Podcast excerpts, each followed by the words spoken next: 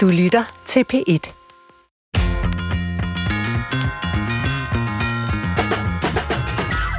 De fleste af os mener nok, at man som voksent menneske skal bidrage til samfundet og være til rådighed på arbejdsmarkedet. Det er jo en del af livet.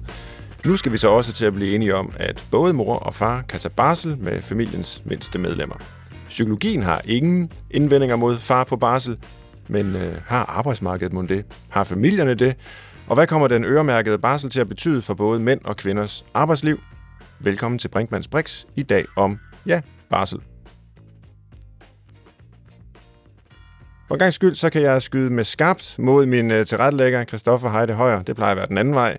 Men jeg ved jo, at du fik en dreng sidste år, og du har kun taget de her to øh, øremærkede ugers barsel. Du vil bare ikke fremskridtet, eller hvad, Christoffer? Nu plejer, oh nu plejer det jo ikke at være så fordømmende, Svend. øhm, og jeg synes jo også, det er op til privatlivets fred, hvordan man fordeler den slags. Nå, nå. Men det er et spørgsmål, jeg har fået et utal af gange. Hvor Ja. ja. meget barsel tager du? Og øh, på Vesterbro i København, hvor jeg bor, der er jeg nederst i hierarkiet, mm. kan jeg godt sige. Øh, der er tre måneder til far. Det er sådan en, øh, det er sådan en god... Det er sådan, der får man lidt mere anerkendende blikke. Sådan, okay, nå, nå, du tager trods alt lidt ansvar. Øh, men øh, hvor meget mm, tog du selv så, Svend? Øh, meget mere end dig, Christoffer. Ej, faktisk... Øh, Fordi du har tre børn. Jeg har tre børn, så hvis man lægger det hele sammen... øhm, ej, ved, ved, ved et af børnene tog jeg noget mere. Øhm, men ved de to andre, der er jeg nok på niveau med dig, må jeg med skam indrømme. Og hvorfor med skam? Jamen fordi, så er man jo reaktionær og gammeldags og ude af trit med tiden. Det var tre synonymer. Øhm, Ville du godt have gjort eller taget mere barsel? øhm, ja, det ville jeg jo nok godt. Øhm, men Det stråler ikke ud af dig. min, min hustru var studerende, i hvert fald med et par af Og så kommer alle... Jeg har tjent penge. Hun ville faktisk rigtig gerne have så meget barsel som muligt.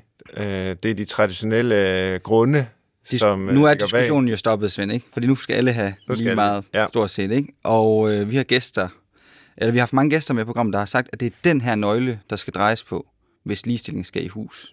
Og nu er den drejet. Nu er den drejet, Ja. og hvad kommer det så til at betyde? Tror du på, at det her det er lige så stort et skifte i så vores arbejdsliv også, som da kvinderne kom på arbejdsmarkedet i 60'erne?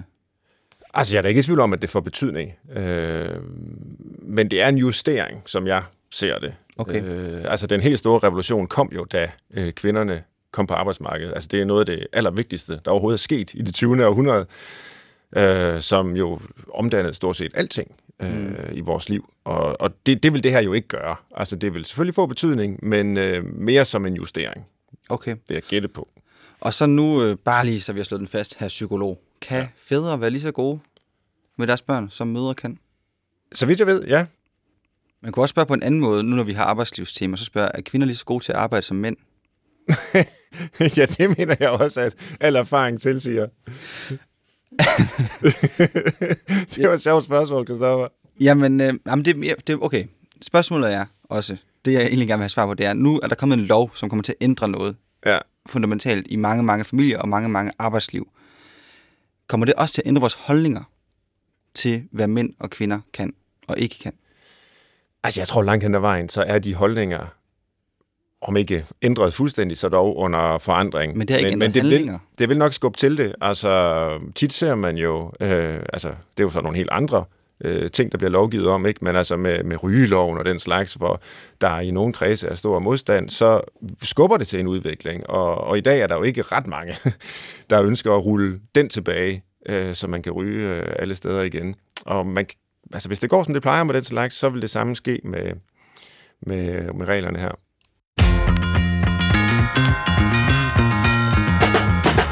Velkommen til Brinkmanns Brix på P1. Gæsterne i dag er Sara Louise Mur, som er professor MSO ved Institut for Organisation på CBS, altså Copenhagen Business School, hvor du forsker i diversitet og ledelse. Velkommen, Sara. Tak skal du have.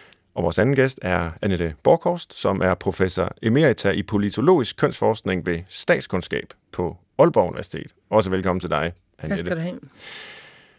Og lad os begynde sådan lidt i det historiske hjørne, fordi nu pingpongede Christoffer og jeg lidt om, øh, ja, dels jo vores egne historier, men også hvad der aktuelt er sket, og det skal vi tale meget mere om i dag. Men øh, man kan sige sådan helt naivt, hvorfor har barslen egentlig traditionelt tilhørt kvinderne i Danmark, Annette? Jamen, det er meget enkelt. Mændene har ikke haft rettigheder. Øh, jeg tænker også det her med, at I siger, at nu kommer øremærkningen. Der har været øremærkning til møder i meget, meget lang tid. Ikke? Jo. Og af en eller anden grund, så har det her med fædres barsel været et meget konfliktfyldt emne i Danmark. Altså, de danske fædre er de sidste i Norden til at få barselsårlov, og der snakker vi ikke om øremærkning. Mm. Vi snakker overhovedet af forlov, ikke? Ja. Og faktisk, altså, Hvornår det sker i skete det? 84, 84, 1984, så skal vi helt hen til 1991, før deres rettigheder ikke er afledt af deres koners. Det vil sige, før den tid, før 91, så var det sådan, hvis en mand var gift med en studerende eller sammen med en studerende, så fik han ingen barsel. Nej. Så det er ganske enkelt. Der har ikke været rettigheder. Nej, nej. Og det kan være, og jeg, jeg kender meget lidt til det her områdes historie, men øh, altså, hvornår får man overhovedet som kvinde ret til barsel? Den første lov, man får, det er i 1901. Ikke? Okay, og ja. det er så i forbindelse med fabriksloven. Det er ikke ret meget, man får, og der er ingen økonomisk kompensation. Vi er nede på 14 dage, men det er simpelthen, altså, nu sagde at kvinderne kom på arbejdsmarkedet i 60'erne. Det er jo ikke rigtigt, de har været der altid, ikke? Men øh, der har ikke været ret mange, og dem, der var, de havde virkelig dårlige vilkår, så det handlede simpelthen om at beskytte dem, som fik børn, ikke? Ja. Og så går det sådan trip-trap hen ad vejen, ikke? Øh, på den måde, at der er kommet lovgivning, øh, og så senere hen, altså da vi kommer sådan øh, hen i slutningen af 50'erne, 60'erne, øh, så begynder det at blive sådan, at man får nogle rettigheder i lovgivning, og så går man over i overenskomsterne mm-hmm. og løfter de rettigheder, man har til dagpenge op til løn. I kvindeoverenskomsterne, Ja. ikke i mandeoverenskomsterne. Og øh, sådan er der den her milepæl åbenbart i, i 84, hvor mændene ja. får... Ja. Der Lidt. havde man diskuteret det i overvis. Ikke? Ja. Ja. Det er noget med, at der er 10-12 forslag, ikke? Også, øh, og på et tidspunkt, så diskuterer Socialdemokratiet, at man skal renovere Kastrup Lufthavn, eller man skal give fædre ret til barsel. og Kastrup Lufthavn vinder. Okay. altså, jeg tror, det handler om, der var krise, oliekrise, arbejdsløshed, alt muligt andet. Stor diskussion af offentlige udgifter. Ikke? Så det er på dagsordenen i mange år, men det er altså først i 84, 10 år efter de svenske fædre får overlov, at, at danske fædre gør det. Har du noget bud på, hvorfor det sker senere øh, i Danmark end i Sverige? Ja, jeg tror faktisk, at øh, der sker det i Danmark, at man starter med i 60'erne at lave øh, en lov, der giver adgang til børneinstitutioner, altså universel adgang. Alle børn har ret til orlov. Det er det, man starter med. Og det er i 60'erne højkonjunktur, hvor man så har set en ret stor stigning af kvinder på arbejdsmarkedet. Øh, og det buller der ud af med dækningsprocenter. Ikke? Og så kommer der krise, der kommer jordskredsvalg, det har også betydning. Mm-hmm. Altså de fire gamle partier har slet ikke den betydning, som de havde tidligere. Og de var nemlig enige om, om barselslovgivning. Ikke? Ja, og det er jo 73, ikke? Ja. Ja. Og så, altså der i 70'erne, så, så prøver de og prøver de og prøver de, især venstrefløjspartierne, og de kommer ikke igennem. Og det, der så bliver situationen, det er, at så har vi jo den der børnepasningsløsning. Så det vil sige, at de danske børn, de kommer tidligst i institution af alle børn i Norden. Mm. Det er den løsning, vi har haft på at Ja. tilpasse til, at kvinderne i så stor stil er på arbejdsmarkedet. Ja, og du lagde ud med at sige, jamen mændene har simpelthen ikke haft den ret. Nej. Øh, og det er jo korrekt. Men er det mændene, der har kæmpet kampen for at få ret til barsel? Eller hvor kommer presset fra, som nu, kan man sige, endelig er øh, forløst?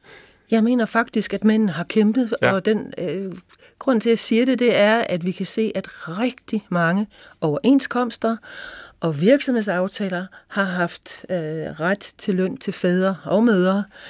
Øh, og det kommer jo kun på grund af pres. Ved Mm. overenskomster, der prioriterer man krav, ikke? Jo.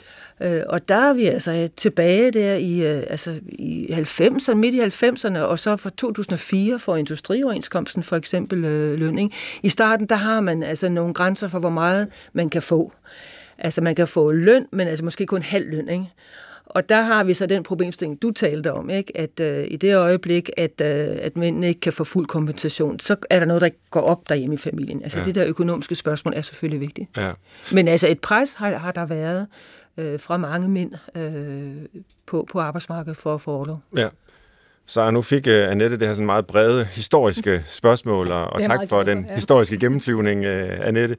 Så vil jeg også stille et bredt spørgsmål til dig her indledningsvis, så kan vi se, om vi kan zoome ind mm. og konkretisere det. Men hvad betyder kønsroller sådan helt grundlæggende uh, for vores arbejdsliv?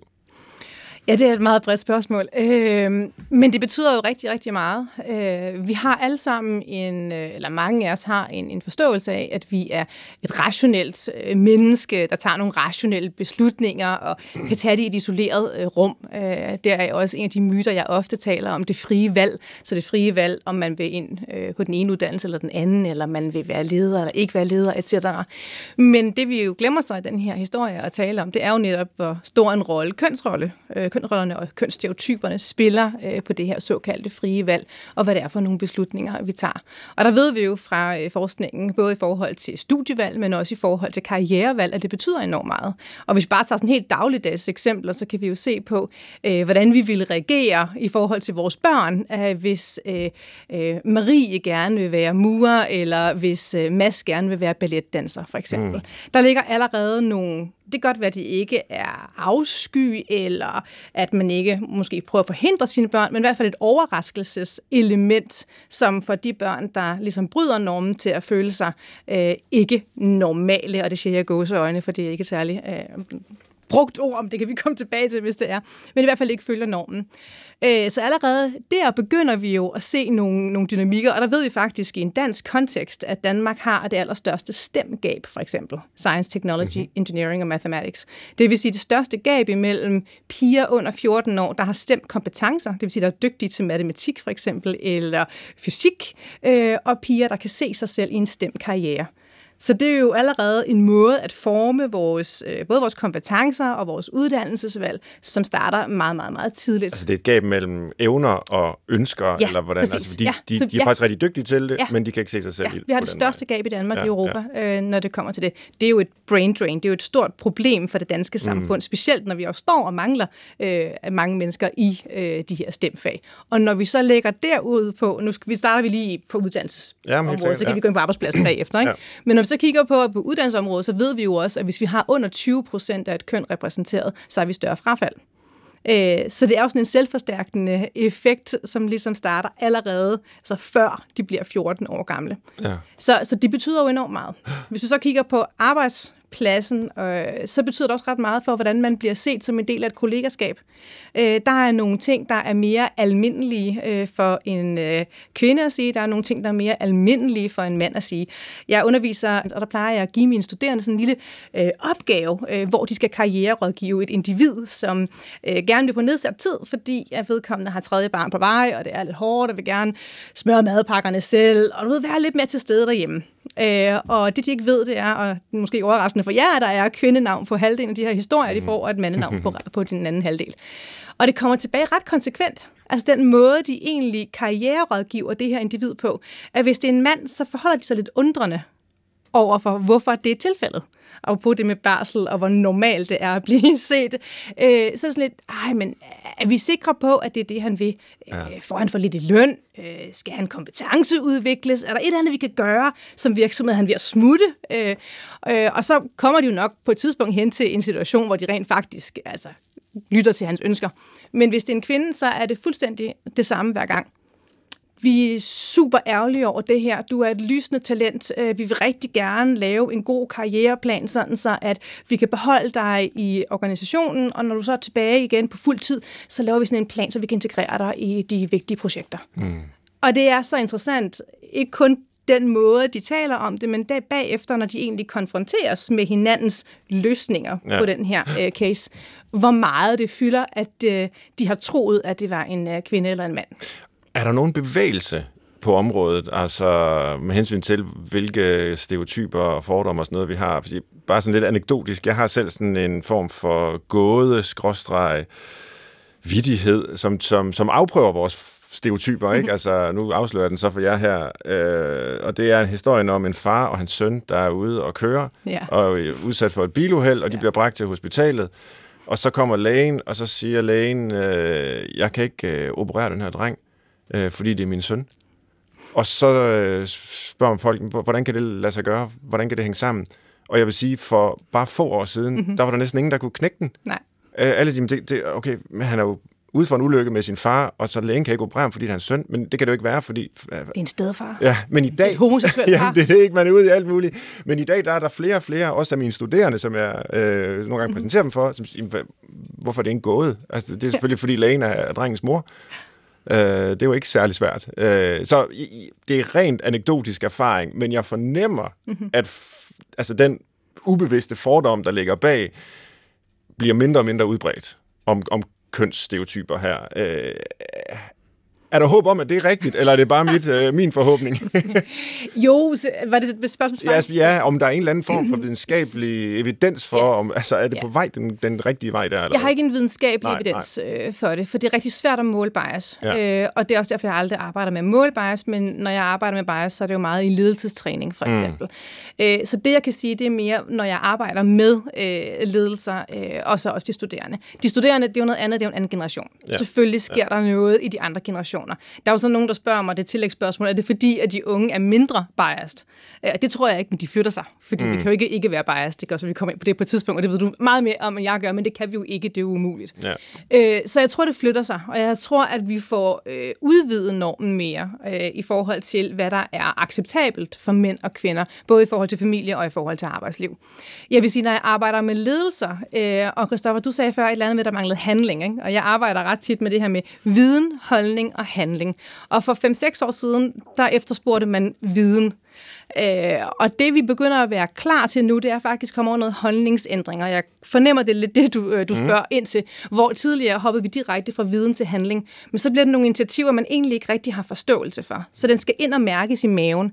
Og det ja. er jo det, der sker specielt på arbejdspladsen, det er, at vi har ikke tid til at gå ned i det her langsomme mode, hvor vi er i refleksion. Vi tager nogle enormt hurtige beslutninger. Mm. Og så er det, at de her stereotyper får lov til at øh, komme ud. Så når jeg arbejder med ledelse, og der jeg ser en ændring, det er, at de forstår, at det sker. Ja. Og når de forstår, at det sker, så ved de også, hvor de skal sætte ind. Det er ikke, fordi den er væk, Nå. men de ved, hvor de skal bremse sig selv, så at sige. Annette Borghorst, nu har jeg påstået, øh, at psykologien ikke har nogen indvendinger mod, at øh, mænd tager barsel, og en stor del af barselen, eventuelt hele barselen, hvad ved jeg.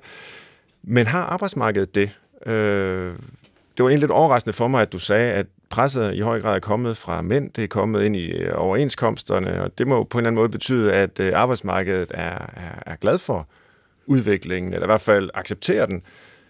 Men sådan helt kort, vil virksomhederne hellere have mænd på arbejdspladsen, altså end, første, end derhjemme på barsel? For det første, så har vi jo et ekstremt kønsopdelt arbejdsmarked, ja. øh, og, og meget delt op på offentlig og privat.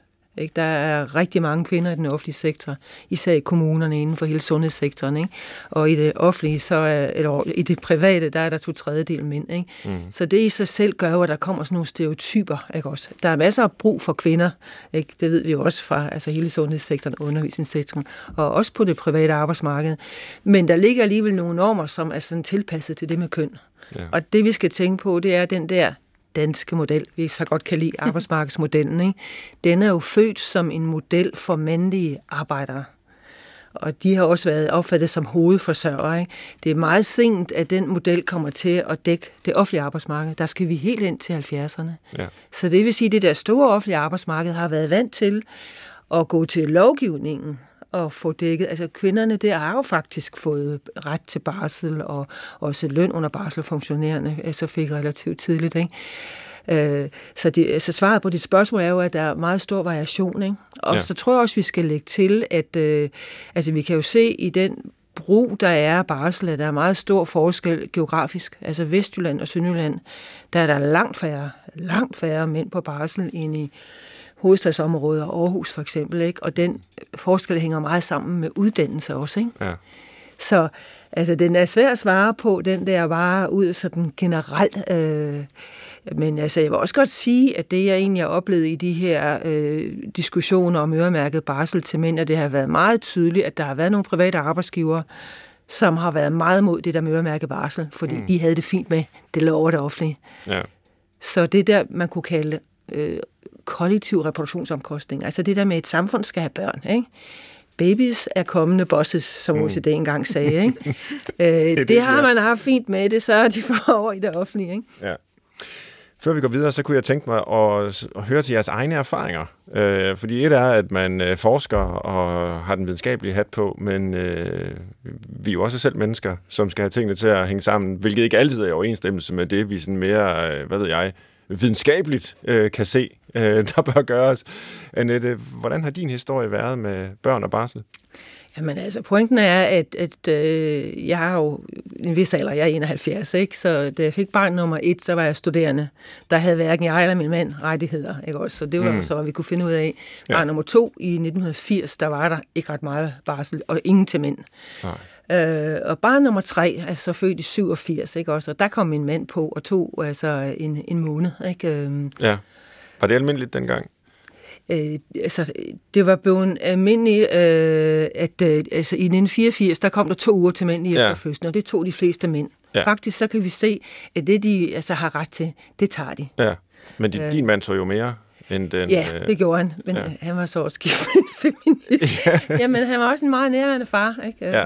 Så altså, det, jeg så synes er interessant, det er at se på mine tre voksne sønner, ikke også? Altså, øh, ikke? Altså, der er jo virkelig sket et skridt. Ikke? Øh. Ja, hvordan gør de? Ikke fordi sådan skal udlevere dem i radioen. Nej, men, men øh, de er alle tre privatansatte, og de, tager, de har alle tre taget øh, øh, en, en, en, god del barsel. Altså, den ene, han kom faktisk lidt i klemme i reglerne, men altså, de, de, har, de har taget en hel del. Ja.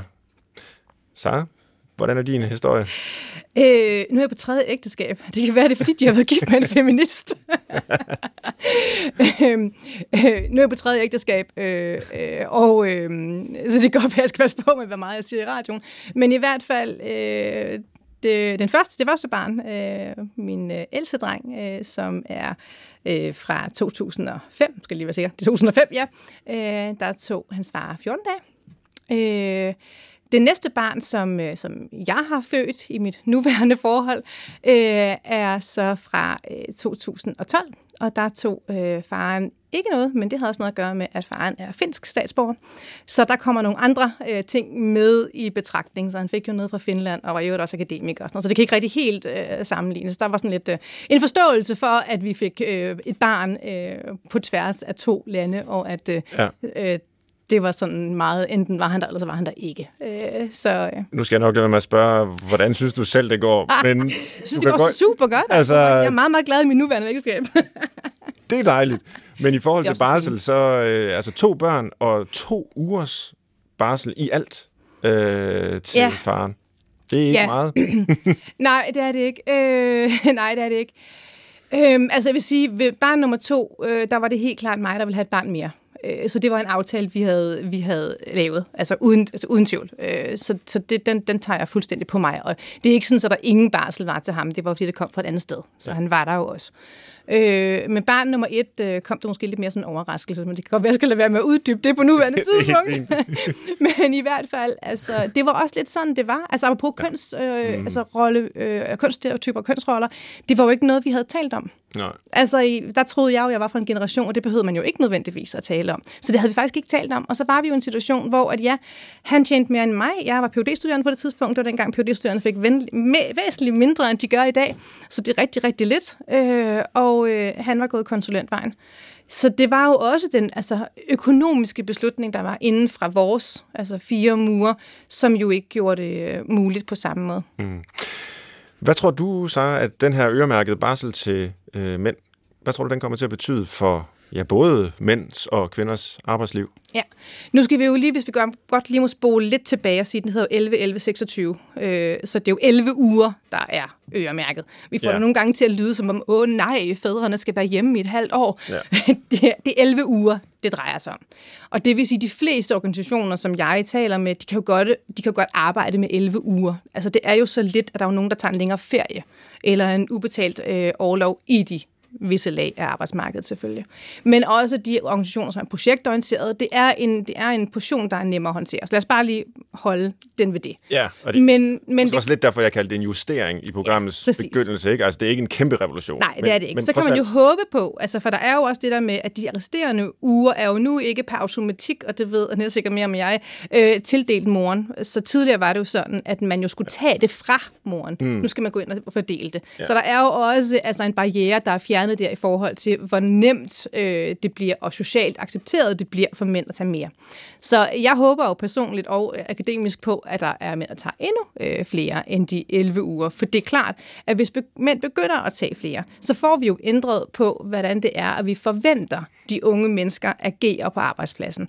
Og når jeg er ude og interviewe folk, der er øh, altså HR eller øh, rekrutterende ledere, så er det stort set dem alle sammen, der indrømmer i et anonymt interview, at selvfølgelig tager det det med i betragtning, hvis det er, der sidder en kvinde på 25, som formentlig skal have et barn, to eller tre. Selvom hun siger, at hun ikke ønsker børn, så er det noget, de stadigvæk forventer. Mm. Så selvfølgelig gør det en forskel, at hvis vi får en situation, hvor folk tager mere ligeligt, så er det et ungt menneske, man sidder overfor, der skal hyre. Så de fleste organisationer vil nok øh, sige, at de har brug for de unge mennesker. Ja. Så det er jo klart, der kommer formentlig og forhåbentlig mindre påvirkning af, om det er en kvinde eller en mand, som man øh, ansætter i den øh, situation.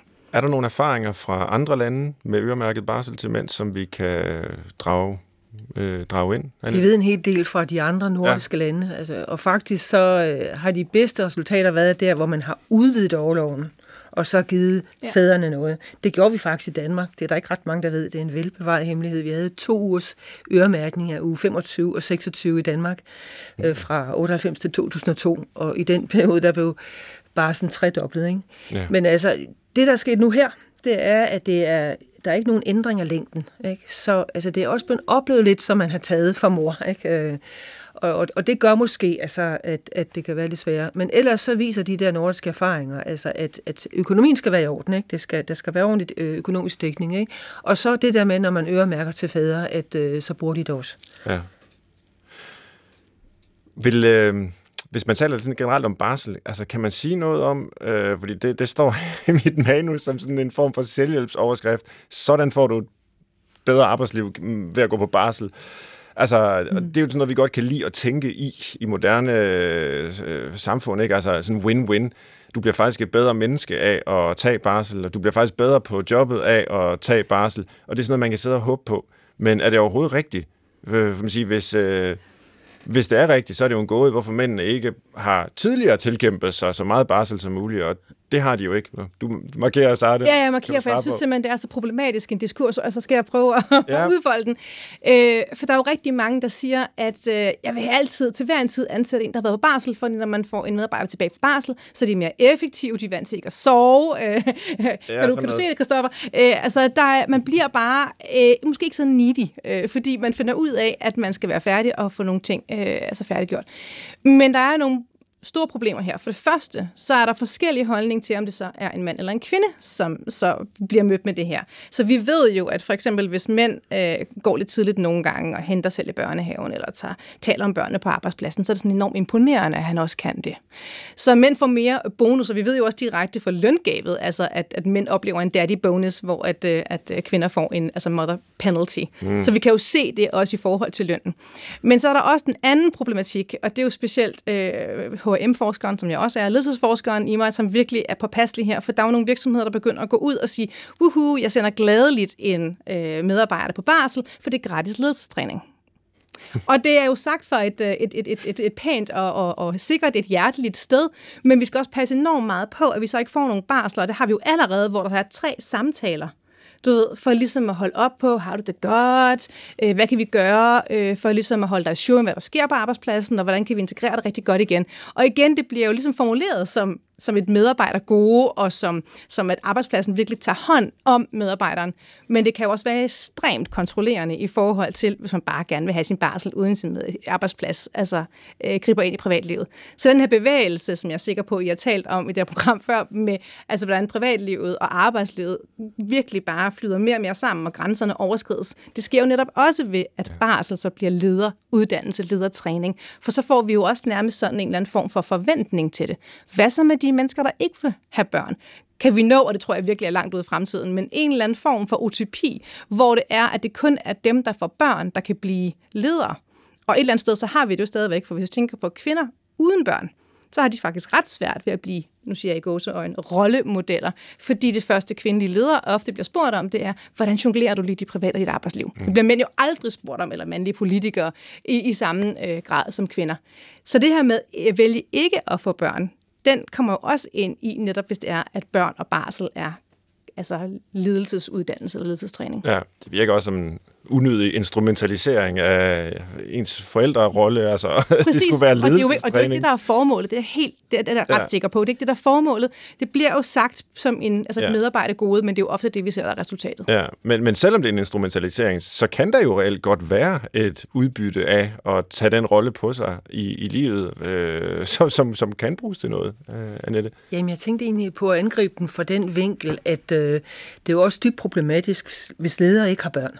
Altså for eksempel i USA, ikke, der har de rigtig mange kvindelige ledere, men altså, de er langt mere skilt, de har færre børn. Ikke? Øh, Øh, og der har vi i Danmark haft en tradition for at sige arbejdsliv, familieliv, men den har så haltet på det der med ledelse. Ikke? Altså hvis, hvis man tog den der lang barsel, ikke? og mm. øh, altså det var jo især kvinderne, ikke? Også, så blev de heller ikke ledere. Vel? Øh, så, så jeg tænker egentlig, at lige præcis på lederposter er det jo vigtigt også at have mangfoldighed. Ikke? Både dem, mm-hmm. der har børn, og dem, der ikke har. Altså, og, og, og der har vi jo været en ekstremt mange år, meget få kvindelige ledere. Mm. Nu er den her lov kommet om øremærket barsel til øh, mænd, og der har været en stor diskussion op til, og det er generelt et emne, ikke bare barsel til fædre, men i det hele taget alt, der har med køn og ligestilling at gøre, også når det drejer sig om arbejdsmarkedet, altså som bringer sindene i kog. Der er stærke holdninger og skælds over fyr gennem luften. Nogle gange bliver forskningen på området, som øh, I jo repræsenterer i dag, mm. også kritiseret for at politisere og være aktivistisk, mm. og hvad ved jeg. Jeg kunne godt tænke mig at høre jeres erfaringer med det, før vi går videre. Uh, Annette, du nikker som om, at du har uh, oplevet det. Ja, men jeg tænker bare, at det er altså vigtigt at gå lidt tilbage, fordi før MeToo, Ja. Der var det altså sådan, at der var meget stillstand. Altså i, i, jeg tror faktisk i vid udstrækning, at problemet i Danmark har været, at der ikke har været fokus på ligestilling. For eksempel i forhold til barsel. Ikke? Og øh, vi har i et stort Velux-projekt har lavet sådan nogle surveys, ikke, der viste, at vælgerne de mente ligestilling, det havde vi nået. Mm. Det var mhm. selvfølgelig flere mænd end kvinder, men rigtig mange kvinder. Og politikerne mente det også. Ikke? Mm. Og det har været den sovepude, man har haft i lang tid. Ikke? Så mener jeg, at der er sket et skift med MeToo, som på mange måder har været positivt, fordi vi har fået en, en uh, ligestillingsdiskussion, der ikke bare handler om seksuel chikane og, og sådan nogle ting, men også i bredere forstand ligeløn. Ikke? Sofie ja. Linde snakkede jo faktisk mere om ligeløn og snakkede om seksuel chikane. Ja. Øhm, og så er der så kommet, altså den der, altså, hvor det er gået helt bananas, ikke også, og, og med kritik, ikke også, og det er selvfølgelig ikke heldigt. Altså, øh, der er virkelig nogle af vores øh, forskerkolleger, der bliver virkelig intimideret og truet og sådan noget, ikke, og ja, sociale medier, det er en historie helt for sig selv, der er det mm. rigtig grimt, ikke? Ja, men hvad skal man sige til det? Altså, skal man sige, at øh, nej, forskning på det område er ikke øh, politisk, det har ikke noget med det at gøre, det er en helt stor misforståelse, eller skal man indrømme, at det er umuligt at rense diskussioner, også forskningsmæssige, på det her område fuldstændig for politik? Hvordan øh, går du ind i det her, Nette? Altså, fordi ja, det synes jeg, det er rigtig øh, god. Altså, nu har jeg jo arbejdet rigtig meget med seksuel chikane. Ja. Og der har jeg prøvet virkelig meget at gøre det ud fra, sammen med den kollega, jeg har skrevet med, at vi tilvejebragte et lige et øh, vidensgrundlag altså, øh, for at, at kunne kigge på det. Der har været mange af har der, ikke med at man overhovedet ikke har kigget på det. Ikke? Øh, og det er da klart, jeg synes ikke, at seksuel chikane er en god idé, men jeg har heller ikke siddet på den anden side og haft nogle klare budskaber til, at man gør sådan og sådan og sådan. Altså, der er ikke ret meget forskning inden for samfundsvidenskaberne, og også en del af den humanistiske forskning, hvor der ikke er holdninger bag. Mm. Ikke? Og vi får at vide faktisk, at vi skal være missionsdrevne, ikke? vi skal have FN's verdensmål bag os og sådan noget. Vi bliver bedt om at have det. Jeg synes, det vigtige det er på en eller anden måde at kunne alligevel trække nogle streger i forhold til, Øh, altså, at øh, ja, man går ikke ind i partipolitik eller, eller whatever. Ikke også? Øh, altså, det, det er sådan, jeg ser på det. Altså, der, det. Det er faktisk tit, jeg tænker, jeg prøver at holde den der rolle som ekspert. Mm. Det har faktisk været ret øh, vigtigt ja. i forhold til seksuel chikane. Men der er jo ingen, der anklager lægerne for øh, altså medicinske forskere for at, at fremme en bestemt sag, når de fremmer sundhed, vel? Altså, fordi vi er alle sammen enige om, at sundhed er godt, vi skal have øh, lægevidenskaben i gang til at og kurere sygdomme og gøre os sundere. Øh, på samme måde kan man jo sige, at den forskning, I arbejder med, den har ligestilling som værdi, og, og jeres forskning skal fremme det. Øh, og det er jo en politisk værdi. Altså, vi kunne have et samfund, der ikke gik ind for det, men det går vi nu engang ind for. Lærer er ikke et godt eksempel, fordi naturvidenskabelig forskning bliver per definition opfattet som mere objektiv. Jeg tror, inden for samfundsvidenskaberne skulle du snarere snakke om økonomerne. Mm-hmm. Ikke? Fordi økonomerne, ikke? de har en vismandsrolle, ikke? også selvom de har et bestemt økonomisk syn bag sig, ikke? også og kan lave masser ja. af anbefalinger. Det er straks mere farligt, hvis man er sociolog ja. eller politolog. Ikke? Jo, men altså grund til, at jeg vælger lægerne, det er jo netop for at sige, jamen altså, hvis vi indrømmer, at lægerne og deres forskning også er værdibaseret, jamen så er det måske tilladeligt, at vores også er det. Hvad siger du, Jeg sidder sådan og hopper for at ja. få lov til at sige noget, jeg ved det godt, det kan man ikke se. Øh, jamen altså, økonomerne er jo et sindssygt godt øh, eksempel. Vi tænker bare ikke over det, fordi hele vækstdiskursen, så økonomisk vækst for eksempel, hvor meget taler vi om det? Vi er jo først nu begyndt på et øh, punkt, hvor der kommer en kritisk stilling til, om økonomisk vækst rent faktisk er en god idé. Øh, finansiering så hele den her financialization af samfundet, øh, altså taler vi jo også om, at har haft, altså, har haft øh, ikke været kritiseret. Så når jeg taler om politik og ideologi og aktivisme, så prøver jeg at holde politik ud af det. For det er rigtigt, skal ikke være partipolitisk. Men det er jo ideologisk. Selvfølgelig er det det. Men det er lige så ideologisk, som økonomi er ideologisk. Growth, vækst er dybt kapitalisme. Det er en ideologi. Øh, og det er lige så ideologisk, som finansiering for eksempel er eller sundhedsvidenskaben, eller hvad det nu er. Det er det jo, men det er bare ikke synligt, fordi det er en ideologi, der følger normen. Så noget af det, som jeg prøver på at, øh, at arbejde med, det er, ja, min forskning er ideologisk. Det er den, men det er al forskning. Al forskning er et eller andet sted også aktivistisk. Fordi aktivisme, hvad betyder det? Det betyder, at man gerne vil ændre på nogle systemer. Det meste forskning, også naturvidenskaben, er jo sat i verden for at ændre på nogle gængse holdninger. Så selvfølgelig er det aktivistisk. Men er det nogle holdninger, som majoriteten ønsker at vi ændrer eller ej, eller ønsker, at vi sætter spørgsmålstegn ved eller ej. Prøv lige at forestille jer, hvis, øh, og det blev de jo også kaldt, altså de gamle fysikere, de blev også kaldt aktivistiske og skøre bolden, fordi jorden lige pludselig var rund og ikke flad, etc. Øh, så, så jeg synes virkelig, vi skal passe på med at kalde noget forskning for ideologisk eller aktivistisk. Og det er jo ofte, ja, visse forskere eller for visse politikere, den her hets kommer fra. Mm. Og det er et problem, fordi jeg er faktisk også ledelsesforsker. Og jeg plejer at bruge som, som eksempel, at når jeg er ude og holde oplæg om ledelse eller stress, jo, det er også lige en lille sidebeskæftigelse, som jeg også har, men stress i forhold til individuelt ansvar på noget. Men i hvert fald, når jeg er ude og holde øh, oplæg om det, så er der jo ikke nogen, der er sure på mig. Så sådan, ja, super vigtigt, så rigtig vigtigt, det skal vi også tale noget mere om. Men hvis jeg taler om køn og ligestilling, så er der nogen, der bare sidder og tænker, endelig, endelig får vi lov til at få en stemme i det her. Og der er nogen, der bare tænker, hold kæft, hvor er det tåbeligt mm. idiot, der sidder der. For der er enormt mange følelser. Det er en vigtig øh, ting at tage op, og det var en lille ekskurs, kan man vel sige, i diskussionen her. Lad os prøve at vende tilbage til øh, spørgsmålet om barsel. Jeg kunne godt tænke mig at vide lidt om, altså, hvornår er det nemt, og hvornår er det svært at tage øh, barsel. Altså, der må være forskelle på, I har været lidt inde på det med, med landsdele, uddannelsesniveau, men også bare brancher. Altså, ja, Annette, hvad, hvad, hvad ved vi om det? Ja, vi ved, at der er ret stor forskel, ikke? Ja. Øh, og vi ved, at der er nogle arbejdspladser, der har kunne gøre det her i overvis. Ikke? Der er nogen, der siger, for eksempel, små virksomheder har så meget svært med det, det er dyrt for dem. Ja, det er dyrt, men der er rigtig mange små virksomheder, der har gjort det overvis. Ikke? Frisører, butikker, alt muligt. Ikke? Mm. Så altså, det vi også skal ind på, det er jo, det er jo noget med kultur også, ikke? også, og så en vis modstand, der har været hos nogle private arbejdsgivere. Ikke? Øhm, ja. Øh, kan man og, finde steder, hvor, altså, hvor der har været sådan first movers, hvis vi skal kalde dem det? Er nogen, der virkelig har øh, ja, på? Ja, altså. det har der været. Altså nogle af de der øh, store virksomheder er det, altså, øh, tror jeg. Ikke? Men jeg vil egentlig også godt bare give det eksempel, at lige nu, der står de jo i kø, nogle af de der store mm. virksomheder, ikke? også Novo Nordisk, Danfoss, øh, Covi øh, og så videre, advokatvirksomheder. Øh, virksomheder i forhold til at brande sig. Mm. Og det synes jeg egentlig er vigtigt. Vi har set det samme i USA, de helt store tech-virksomheder. Og det, der kommer ind der, det er jo også, det bliver en konkurrenceparameter i forhold til at tiltrække den gode arbejdskraft. Så der kan vi også godt se på, at det jo så handler lidt om, hvordan arbejds, øh, de forskellige virksomheder, de egentlig altså, står i forhold til at kunne skaffe kvalificeret arbejdskraft. Der betyder konjunktur selvfølgelig meget, ikke? Og øh, så vil jeg også lige sige, altså noget af det, jeg synes var rigtig interessant, det var, at i, øh, i slutningen af 19 og begyndelsen af 20, der gik erhvervslivets absolute top ud og sagde, at vi skal øremærke bare til fædre. Det var mm. Lars Sandal, der lige var nyudnævnt direktør for DI, det var Brian Mikkelsen for Dansk Erhverv, det var Lars Rode, Nationalbankdirektøren, og Bjarne Krøjderen, på det tidspunkt chefredaktør for Børsen, der gik ud og sagde, at jeg tog fejl, for han var jo faktisk med til at lægge den ned. Ikke? Og det de sagde, det var jo ikke sådan bare for fædrenes skyld, men nej, det var, at vi vil gerne have flere kvinde, kvindelige ledere.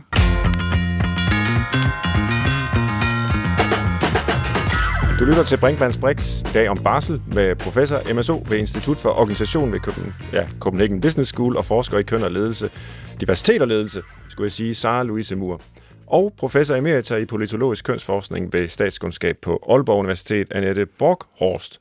Så har vi også den altid unge far og tilrettelægger, Christoffer Heide Højer, i studiet. Du har lyttet, Christoffer. Hvordan lyder det i dine fædrene ører? Jamen, altså, Farører? Jeg har jo ikke så den store, hvad kan man sige, det store mandat at tale ud fra, har vi jo slået fast. Men øhm, hvorfor skal det egentlig besluttes, og det er jo, ja, hvorfor skal det besluttes, hvad der skal foregå hjemme i vores hjem, i forhold til det her spørgsmål, fordi det kan jeg da skrive under på nu, og selv har oplevet, det handler også om at få en familie til at hænge sammen. Der er noget økonomi i det, som du var inde på, Sara. Hvem tjener mest? Det vil man gerne øh, have noget ud af, når man skal gå derhjemme. Og øh, nogen, for nogen giver det mening at være sammen med et barn hele tiden, og for andre giver det mindre god mening. Hvorfor kan vi ikke selv styre det? Det er vel egentlig gået fint, eller hvad? Annette, du får lov til at begynde. Ja, men jeg tror, at spørgsmålet er lidt forkert stillet, mm. fordi vi har styret det. Altså, vi har styret barselsårloven i Danmark. Det har været den mest kønsskæve årlov i hele Norden, fordi man har øremærket så meget til mor. Men altså, der, kommer et, der er kommet noget ind, og jeg ved godt nogenlunde præcis, hvornår debatten kom. Det var sådan i, omkring 2001, at hvis vi øremærker til far, så er det tvang og formønneri, og så blander vi os. Mm. Øh, og, og det, der også er gået lidt skævt, det er, at man har ikke snakket om fars rettigheder. Altså hvis jeg lige skal svinge den over til at snakke om skilsmisser, så har Danmark jo ikke været sent på den til at give fædre ret til altså, øh, samvær med børn, og der var kommet delt øh, forældremyndighed. Hvordan kan det egentlig være, at man først begyndte at snakke om rettigheder for fædre, når de blev skilt? Når man nu faktisk ved, at der er en sammenhæng. Ikke? Altså, der er nogle resultater, ret store, altså registerbaserede, men lidt gamle resultater, der viser, at det var far tager overlov, der er også færre skilsmisser. Ikke? Så jeg synes, spørgsmålet er lidt forkert stillet. Kan, men hvordan får man det så til at hænge sammen, familielivet og arbejdslivet så? Øh, det vil jeg ikke svare på, men jeg vil gerne svare på det andet spørgsmål, du stillede lige før. øh, fordi jeg synes jo faktisk, at det er ret interessant det her med, hvornår er det, at det er en indblanding i privatlivet. Ja. Vi lever i et velfærdssamfund. Så per definition, så er der indblanding i privatlivet. Ikke? Altså, øh, det bestemmes også, om du vil lægge penge til side til feriepenge. Det, det har du heller ikke ret til. Eller var det øh, selerne i bilen, eller øh, om vi kan ryge, eller ej, etc. Så der er indblanding i vores privatliv, og som Annette siger, der har været indblanding i privatlivet i 100 år. Nej, måske ikke, men i lang tid i forhold til barsel. Så det er jo det der med at vende den om. Men når vi introducerer en ændring, så har vi jo netop som at se det som en indgribet i privatlivets ret. Og der er det jo, at vi lever i et samfund, hvor det ikke kun er individer, der tæller her, men det er jo faktisk også samfundet, og det er vores fælles bevægelse og vores fælles opbygning af et samfund. Og for den fælles samfund betyder det altså noget, at individet tilsidesætter sine egne behov, og faktisk også forstår, at der sker en bevægelse, når det er, at vi får øh, flere øh, fædre, der tager barsel. Både i forhold til kvinders adgang til arbejdslivet og mænds ret til at være sammen med deres børn. Og det for mig større formål må engang imellem være vigtigere, end at man selv vil bestemme, om man må ryge eller ej, eller øh, tage barsel eller ej, eller feriepenge eller ej. Det er fundamentet i det samfund, vi lever i. Men øhm, jeg kunne da godt måske tælle på en hånd øh, nogle fædre, som ikke synes, det vil være særlig sjovt at være på barsel. Hvorfor skal de så det? Eller nu kan de jo godt lade være, men så bliver der jo taget noget fra den samlede Det kunne være, de kunne lade være med at tage børn, for børn så. Hvorfor? Det hvis, de ikke hvis den anden barsel. partner gerne vil passe dem. Eller hvis partneren gerne vil passe dem. Jamen, så må man gøre det uden de 11 uger. Ja. Altså, det er de 11 uger. Så jeg tænker også, at vi må se det i et større perspektiv. Hvad siger du, Annette? Har du noget til? Jamen, hvis man skulle provokere dig lidt, så er der faktisk, altså skulle man stille spørgsmålet, øh, når kvinder får børn, øh, hvorfor skal de så komme på barsel? Altså faktisk er der to ugers tvang øh, lige efter fødslen, og det er selvfølgelig lidt specielt at sige, fordi så vil det første spørgsmål være Saras, ikke? Hvorfor får de børn, ikke? Men det er jo, der er jo faktisk mm. kvinder, der heller ikke har lyst til at gå på auto. Der er ikke så mange af dem. Det er heller ikke normen, men øh, altså jeg tror, overloven er der jo, fordi at man vil gerne øh, altså sørge for, at børnene får en god start, ikke? Mm. Og endelig så er der den der med børneinstitutionerne. Altså jeg synes jo, at det er vigtigt at sige, at siden 60'erne, hvor, hvor jeg fortalte tidligere, at, at man for alvor begynder at udbygge børneinstitutioner, der er der jo sket det, at børneinstitutioner er altså ikke ret gode for helt, helt små børn. Altså der er langt færre voksne, langt færre børn, ikke, ikke så meget plads og sådan noget. Ikke? Og, og det er der, hvor andre lande har sagt samtidig, okay, vi vil have en lang overlov, vi vil have fædrene ind i forhold til at, at, at, at få altså en ordentlig start for børnene og en ordentlig ligestilling. Tror I, barslen kunne blive længere? Jeg synes mere, jeg hører folk, der bare vil have mere, mere barsel. Altså der har vi jo nogle østeuropæiske lande, øh, katolske lande, der har altså nogle meget, meget lange barselsårlov, og det er jo så typisk uden løn, ikke også? Øh, okay. Og det er jo så der, hvor man holder kvinderne ud af arbejdsmarkedet. Mm. Altså det er helt urealistisk med de længere overlov, så at, tror jeg, at, at fædre vil komme mere ind. Altså, og, mm. og det, altså, det er slet ikke på tale. Øh, altså alt er jo prioriteringer i øjeblikket. Altså, hvis jeg skulle prioritere, så vil jeg sige, så vil jeg nok hellere prioritere og så styrke børneinstitutionerne. Øh.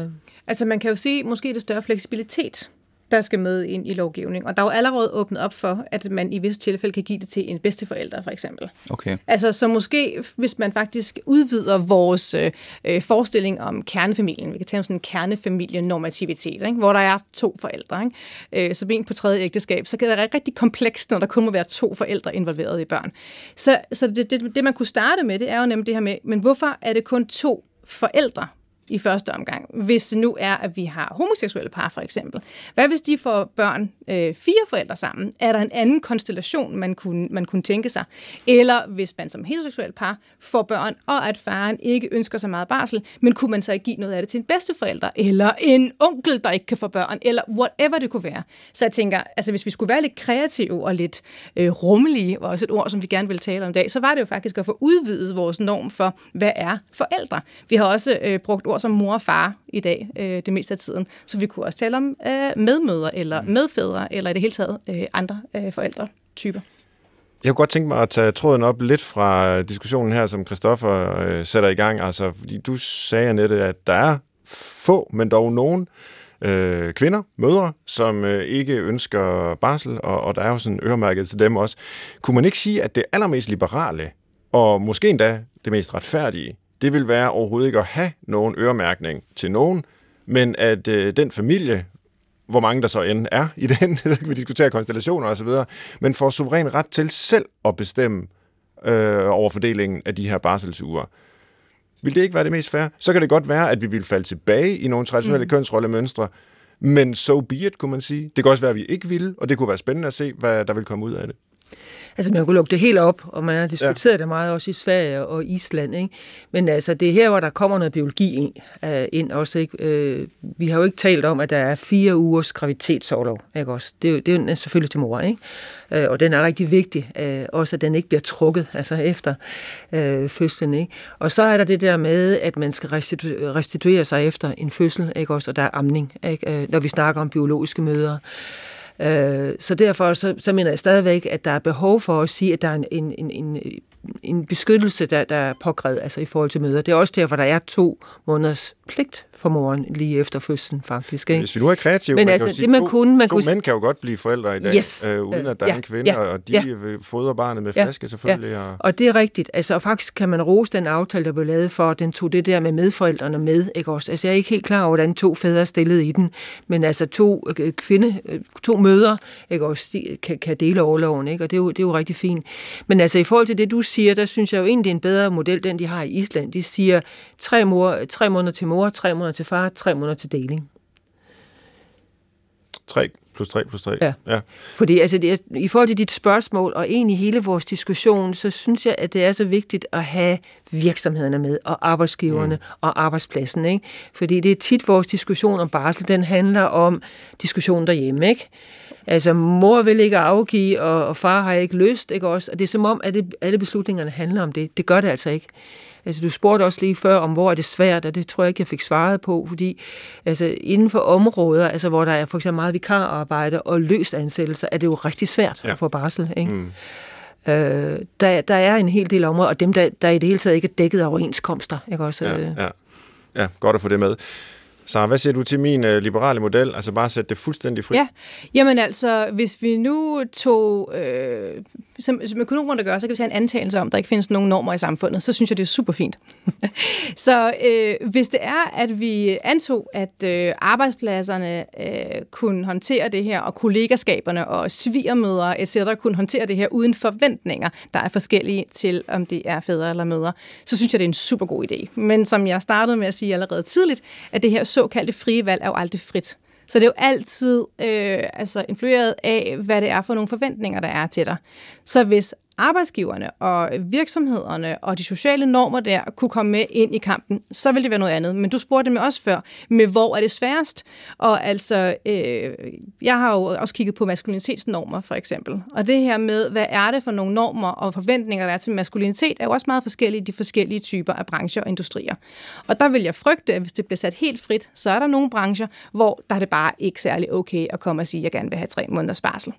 Og det er jo også en beskyttelse af fars ret så her, fordi det er sværere at gå ind og bede om øh, barsel nogle steder for mænd, end øh, det er for kvinder. De fleste steder stadigvæk. Og det er jo noget af det, jeg også har fundet i, i min forskning øh, før MeToo. Så før MeToo, der bliver ikke så tit skældt ud. Men før MeToo, øh, der øh, er der kun én gang, hvor jeg har fået hademails, og det var da jeg øh, blev citeret i Berlingerne for at sige, at der var mænd i mine interviews, der brød sammen og, altså, og græd, eller altså, sagde ting, som jeg ville ønske, at jeg blev syg, eller jeg ville ønske, at jeg var en kvinde, så jeg bare kunne få en pause. Øh, så det her med, at der ikke er samme accept af, at en mand på 35, der er på partner track et eller andet sted, øh, lige pludselig stopper op og siger, ah, ved du hvad, jeg vil faktisk hellere arbejde øh, et øh, 9-4 job et eller andet sted, så jeg kan være sammen med mine børn. Det er så meget mere acceptabelt for kvinder at tage det valg. Så der er jo nogle valg for kvinder, der er nemmere, end der er for mænd, og der er nogle valg for mænd, der er nemmere, end øh, der er for kvinder. Så en mand, der ønsker at være hjemmegående husfar, et begreb, som vi faktisk ikke har på dansk. Det er langt sværere øh, end det er, hvis en kvinde ønsker at være hjemmegående husmor. Men en kvinde ønsker at være karrierekvinde, det er et begreb, vi har, men det er jo også ret negativt lavet, er langt sværere end en øh, mand, der ønsker at være karrieremand, som vi som mm. ikke har et begreb for. Så i princippet ja, men øh, øh, jeg vil sige, at den liberale øh, utopia øh, bliver bare sådan lidt skudt i skoen af, at vi faktisk har noget psykologi, som du sikkert ved mere om, Svend, i forhold til, hvordan vi øh, altså koder hinanden og har forventninger til hinanden. Hvad vil du så sige på baggrund af dit øh, arbejde, så vil være den bedst mulige model med hensyn til barsel? Er det den, vi har nu, med den justering, der er kommet, eller kunne du forestille dig noget andet, der ville være bedre? Altså nu arbejder jeg jo med ledelser og får ledelser til at ændre holdninger og praksiser, øh, og ikke, altså jeg er ikke politolog, jeg er ikke øh, statskundskaber. Så jeg har lidt svært ved kun at forholde mig til loven. Øh, det jeg synes er enormt vigtigt, det er, hvordan er det, at øh, ledelserne agerer lige nu. Og det er jo også ledelserne i de store håndværkerfirmaer, entreprenørfirmaer, ingeniørfirmaer etc. Jeg ser et skift i forhold til en, øh, en forståelse for, at det at skabe mere rummelighed, det at skabe mere diversitet, det er også at skabe mere fleksibilitet øh, faktisk har en positiv indflydelse. Ikke kun på bundlinjen. Det er ikke sådan en bundlinje business case øh, argument, jeg er ude i her, men mere en arbejdsplads, hvor folk faktisk har det bedre. Det ved du også godt. Arbejdspladser, folk har det bedre, så er de mere emotionelt knyttet til deres arbejdsplads. Det har også nogle skyggesider, men altså, så er de jo øh, nogle medarbejdere, som faktisk performer bedre. Og det er jo det, der er begyndt at gå op for folk. Og i øvrigt, så snakkede du også om tidligere, det her med, hvornår vi fik lovgivningen i Danmark. Og det passer jo meget godt overens med den her sådan lidt HR-bølge, som jo kom slut slut 80'erne og specielt i 90'erne, i forhold til ikke at bare se mennesket som en ressource og som en arbejdskraft, men faktisk se mennesket som et menneske. Det har også sine skyggesider, det ved jeg også er blevet behandlet. Der er bagside ved alt. Er bagside ved alt. Men, men det her med, at det er jo en del af en, et, et holdningsskifte, som jeg synes er langt vigtigere end en lovgivning. For ja. en lovgivning uden tilslutning, det ved vi godt, hvor ender. Så finder man loopholes, og det ja, gør man alle ja. steder.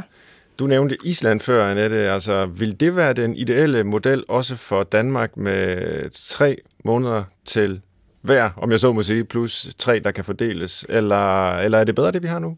Jamen, jeg tror, det er udmærket, men jeg tror også bare, det er vigtigt at sige, at øh, der er mere end lovgivning. Politologen her snakker ikke kun om lovgivning, og som virksomhedsaftaler og overenskomster. Ikke? Og, og det er jo sådan set det, der er vigtigt øh, også med den danske arbejdsmarkedsmodel, ikke? at de modeller, vi har og laver fra lovgivningen, at de på en eller anden måde bliver overført. Ikke? Fordi i lovgivningen, der er der kun dækken med dagpenge. Ikke? Og det er ikke tilstrækkeligt. Øh, mm-hmm. så, men, men så vil jeg også sige, øh, at det, der også er vigtigt, det er det her med, at der også skal være frihed ved børns sygdom. Altså, små børn bliver syge.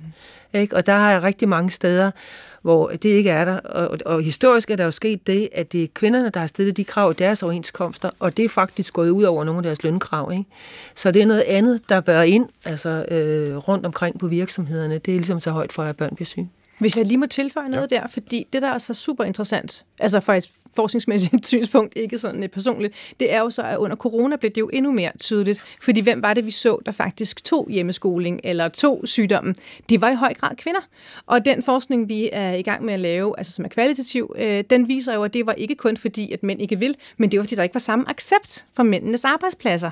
Så det hang på kvinderne, det var mere i gåseøjne naturligt, blev set som naturligt, at, øh, at kvinderne tog den. Så det der med at, at falde tilbage til det frie valg igen, det så vi så også under corona, så gik vi øh, tilbage til nogle kønsrollemønstre, som så igen havde en, øh, en lidt negativ indflydelse både på fædre og mødre i det her tilfælde. For det kunne godt være, at der var rigtig mange mænd, som faktisk gerne ville have været lidt mere til stede, og ikke buret inde i et lille bitte kontor i en lejlighed, øh, mens at familien var øh, sammen andre steder. Tak for at oplyse og bidrage til hele den her samtale om det her vigtige emne. Vi slutter med at vende øh, alt det, jeg har sagt på hovedet øh, på den vanlige satiriske måde med listen. Tre gode grunde til, at mor skal tage alt barsel. Hvorfor skulle hun dog gøre det, øh, Annette Borkhorst? Jo, for det første tænker jeg, at øh, det skal hun gøre, fordi at så kan fars arbejdsplads blive ved med at tænke, at primærarbejdskraften, det er en, der ikke har børn. Ja. Og den anden grund til, at hun skal gøre det, det er, at, at øh, så kan vi i hvert fald sørge for, at øh, mor er den primære person, og far ikke kommer alt for tæt på barnet. Ja. Den tredje, det er, at det formentlig nok viser sig, øh, i at man så ikke får så meget pension øh, og løn. Det, så det øh, må være så den tredje begrundelse. Imponerende. det er modtaget og noteret. Tak skal du have. Så? Jo, men altså den første årsag, øh, det kan jo være, så kan virksomhederne spare nogle penge, hvilket øvrigt også er en myte, som der er flere, der viser. Men nej, den lad os det satiriske, satiriske. For det første, så kan virksomhederne øh, spare nogle penge. For det andet, så er det jo super rart, for så kan vi jo fastholde de her øh, oldnordiske gamle øh, stereotyper og kønsrollemønstre, hvor at kvinderne bare er bedre til at lave mad. Det har jeg også alders, altid, eller, tror jeg, øh, ønsket, at jeg, jeg kunne bare komme hjem og lave mad. Øh, og øh, den sidste, jamen det er jo det her med, at øh, mænd vil jo ikke være sammen med deres børn, øh, så øh, det ville nok være meget rart, at de kunne slippe for det. tak for det. Jamen, øh, flot begge to. I har bestået satireprøven. Og du derude har lyttet til Brinkmanns Brix på P1 i dag med professor MSO ved Institut for Organisation ved Copenhagen Business School og forsker i diversitet og ledelse, Sara Louise Mur, samt professor emerita i politologisk kønsforskning ved statskundskab på Aalborg Universitet, Annette Borghorst. Og vi har jo altså talt om barsel som en del af det her tema, vi kører i efteråret om arbejdslivet generelt. Og vi har fået helt utrolig mange gode bud på emner på vores mail, brinkmansbrix.dr.dk, men send endelig flere, også gerne om helt andre emner. Vi prøver at læse dem alle og tager meget ofte noget af det op. Til retlægger var som altid Christoffer Heide Højer. Jeg var vært, hedder Svend Brinkmann. Tjek vores programmer i DR lyd. Og vi er tilbage om en uge. Jeg håber, vi høres ved.